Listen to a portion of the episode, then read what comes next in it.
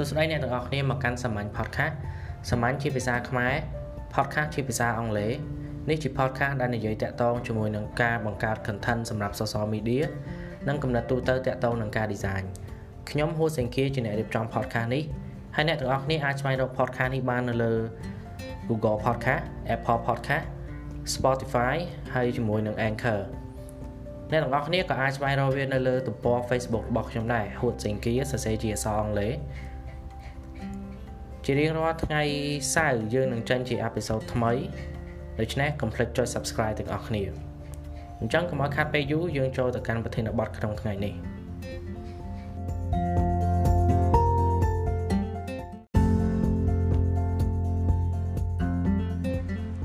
ប្រធានបទនៅក្នុងអេពីសូតនេះគឺការសរសេរ blog សម្រាប់ website business អឺអញ្ចឹងដើម្បីងាយស្រួលយល់ថាប្លុកជាមួយនឹង website វាខុសគ្នារបៀបម៉េចយើងអាចប្រៀបធៀបចេះបានអឺប្លុកជាផ្នែកតូចមួយនៅក្នុង website អញ្ចឹង website ខ្លះអាចមានប្លុក website ខ្លះมันអាចអត់អត់មានប្លុកទេតែប្លុកវាមិនអាចអត់មាន website បានអឺខ្ញុំឧទាហរណ៍ថា website របស់ខ្ញុំ hostinggear.com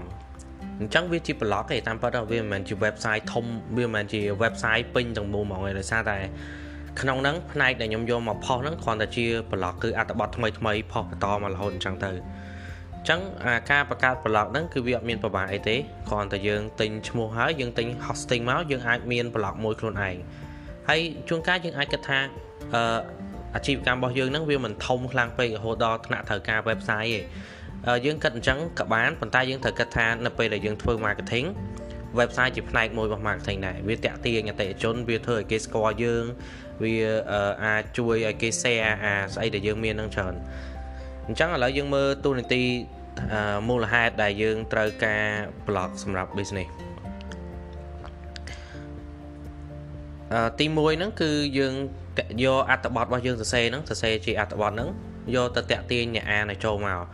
ឡើយយើងឧទាហរណ៍បើសិនជាយើងគ្រាន់តែផុសជារូបធម្មតាអត់មានអីទាំងអស់ផុសរូបដាក់លក់ផុសរូបដាក់លក់ផុសរូបដាក់លក់ចឹងអ្នកដែលគេមើលយូរយូរទៅគេសាមឲ្យគេមានអីចាប់អារម្មណ៍ឲ្យគេចង់ចុចទេលុះណាតែគេចង់ទិញអាហ្នឹងបានគេចុចមើលតែបើគេអត់ចង់ទិញទេគឺគេអត់ចុចទេ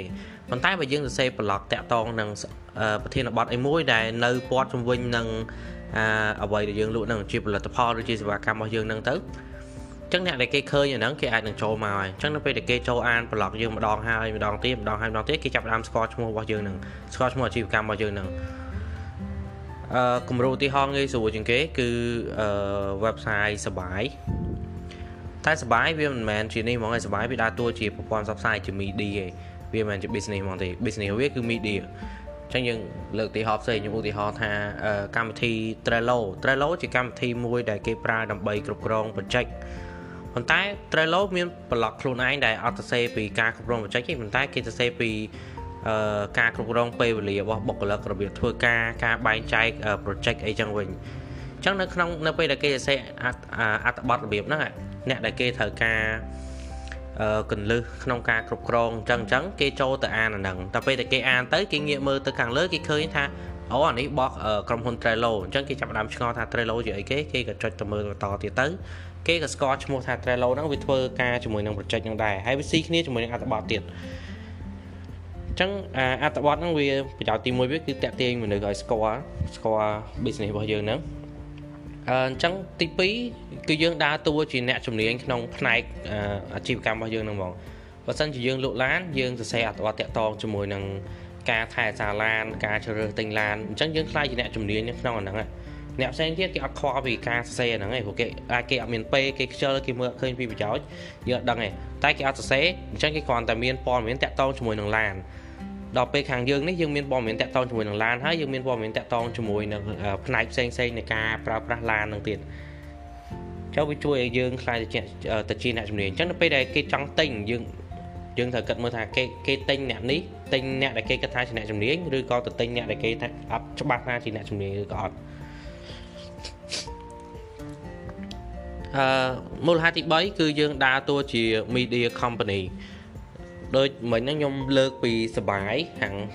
website សបាយហ្នឹងគេជា media company អញ្ចឹង media company គេ business របស់គេគឺរកលុយទៅតាមការផ្សព្វផ្សាយពីអាជីវកម្មផ្សេងទៀតអាជីវកម្មផ្សេងទៀតពឹងឲ្យគេផ្សាយទៅគេគិតលុយតាមនឹងតែបើយើងមានប្លុកខ្លួនឯងនៅពេលយើងចង់ផ្សាយអីមួយលើព្រោះនៅលើប្លុកយើងអាចសរសេរអីក៏បានដែរយើងចង់សរសេរពី អត្ថប្រយោជន៍នេះអត្ថប្រយោជន៍នោះគន្លឹះធ្វើអញ្ចេះគន្លឹះធ្វើអញ្ចឹងស្រាក់ចិត្តយើងទាំងអស់តែនៅពេលដែលយើងមានព័ត៌មានអីផ្សព្វផ្សាយដូចថាយើងមានផលិតផលថ្មីយើងមានបញ្ចុះតម្លៃឬក៏យើងបើកទីតាំងថ្មីឬក៏ព័ត៌មានអីក៏ដោយដែលតាក់ទងជាមួយនឹង business របស់យើងហ្នឹងគឺយើងអាចផ្សព្វផ្សាយទៅលើ blog ហ្នឹងបានអញ្ចឹងអ្នកដែលគេចុចគេតាមដានមើលពីមុនមកគេឃើញអាហ្នឹងគឺគេចុចមើលឯតែបើគេអត់ដែលមើលរបស់យើងសោះយើងយកទៅផ្សាយនៅលើសបាយឬក៏ website media ណាទេក៏ដោយក៏មិនប្រកាសថាគេចុចមើលដែរព្រោះគេស្គាល់យើង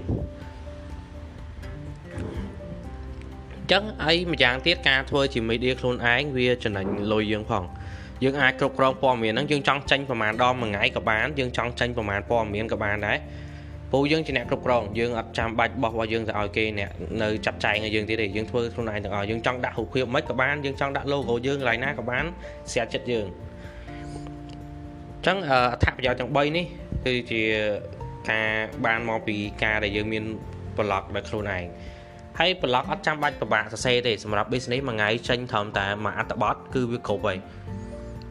គ្រាន់តែយើងត្រូវធ្វើម៉េចយើងចេញឲ្យទៀងអញ្ចឹងទៅដើម្បីឲ្យអ្នកដែលគេអានហ្នឹងគេឃើញរាល់ថ្ងៃឃើញអីប្លែករហូតកុំឲ្យថ្ងៃនេះស្រាប់ឃើញអញ្ចឹងស្រាប់ពីរថ្ងៃក្រោយបាត់ទៅស្អែកឡើងឃើញមកទៀតទៅអញ្ចឹងនៅពេលដែលគេចុចតាមដានមើលគេចូលមកគេចាំមើលអាអត្ថបទថ្មីថ្មីរហូតអញ្ចឹងហើយពេលដែលចូលមកអត់មានឃើញអត្ថបទថ្មីគេគិតថា website ហ្នឹងត្រូវគេបោះចោលហើយអត់មានអ្នកធ្វើបន្តទៀតទេអញ្ចឹងគេជប់ចូលមកហើយ ចឹងយើងចាញ់ថ្មីថ្មីមួយថ្ងៃមួយថ្ងៃមួយមួយថ្ងៃមួយឬបើសិនជាយើងមានធីមម្នាក់ពីរនាក់យើងអាចចេញមួយថ្ងៃ2 3ក៏បានដែរដើម្បីឲ្យវាមើលទៅប្លុកហ្នឹងវារស់ព្រោះយើងចង់យកប្លុកហ្នឹងមកដើរតួជាមីឌាដែរយើងក៏អត់ចាំចឹងទៅយើងធ្វើខ្លួនយើងជាមីឌាហ្មងយើងអត់ចាំបាច់ទៅពឹងទៅមីឌាក្រៅទៀតទេបាទអឺខ្ញុំមានតែប៉ុណ្្នឹងទេសម្រាប់ថ្ងៃហ្នឹងហើយអរគុណសម្រាប់ការស្ដាប់ហើយកុំភ្លេចចុច Subscribe ផងដើម្បីបានទទួលអេពីសូតថ្មីៗទៀតបាទអរគុណ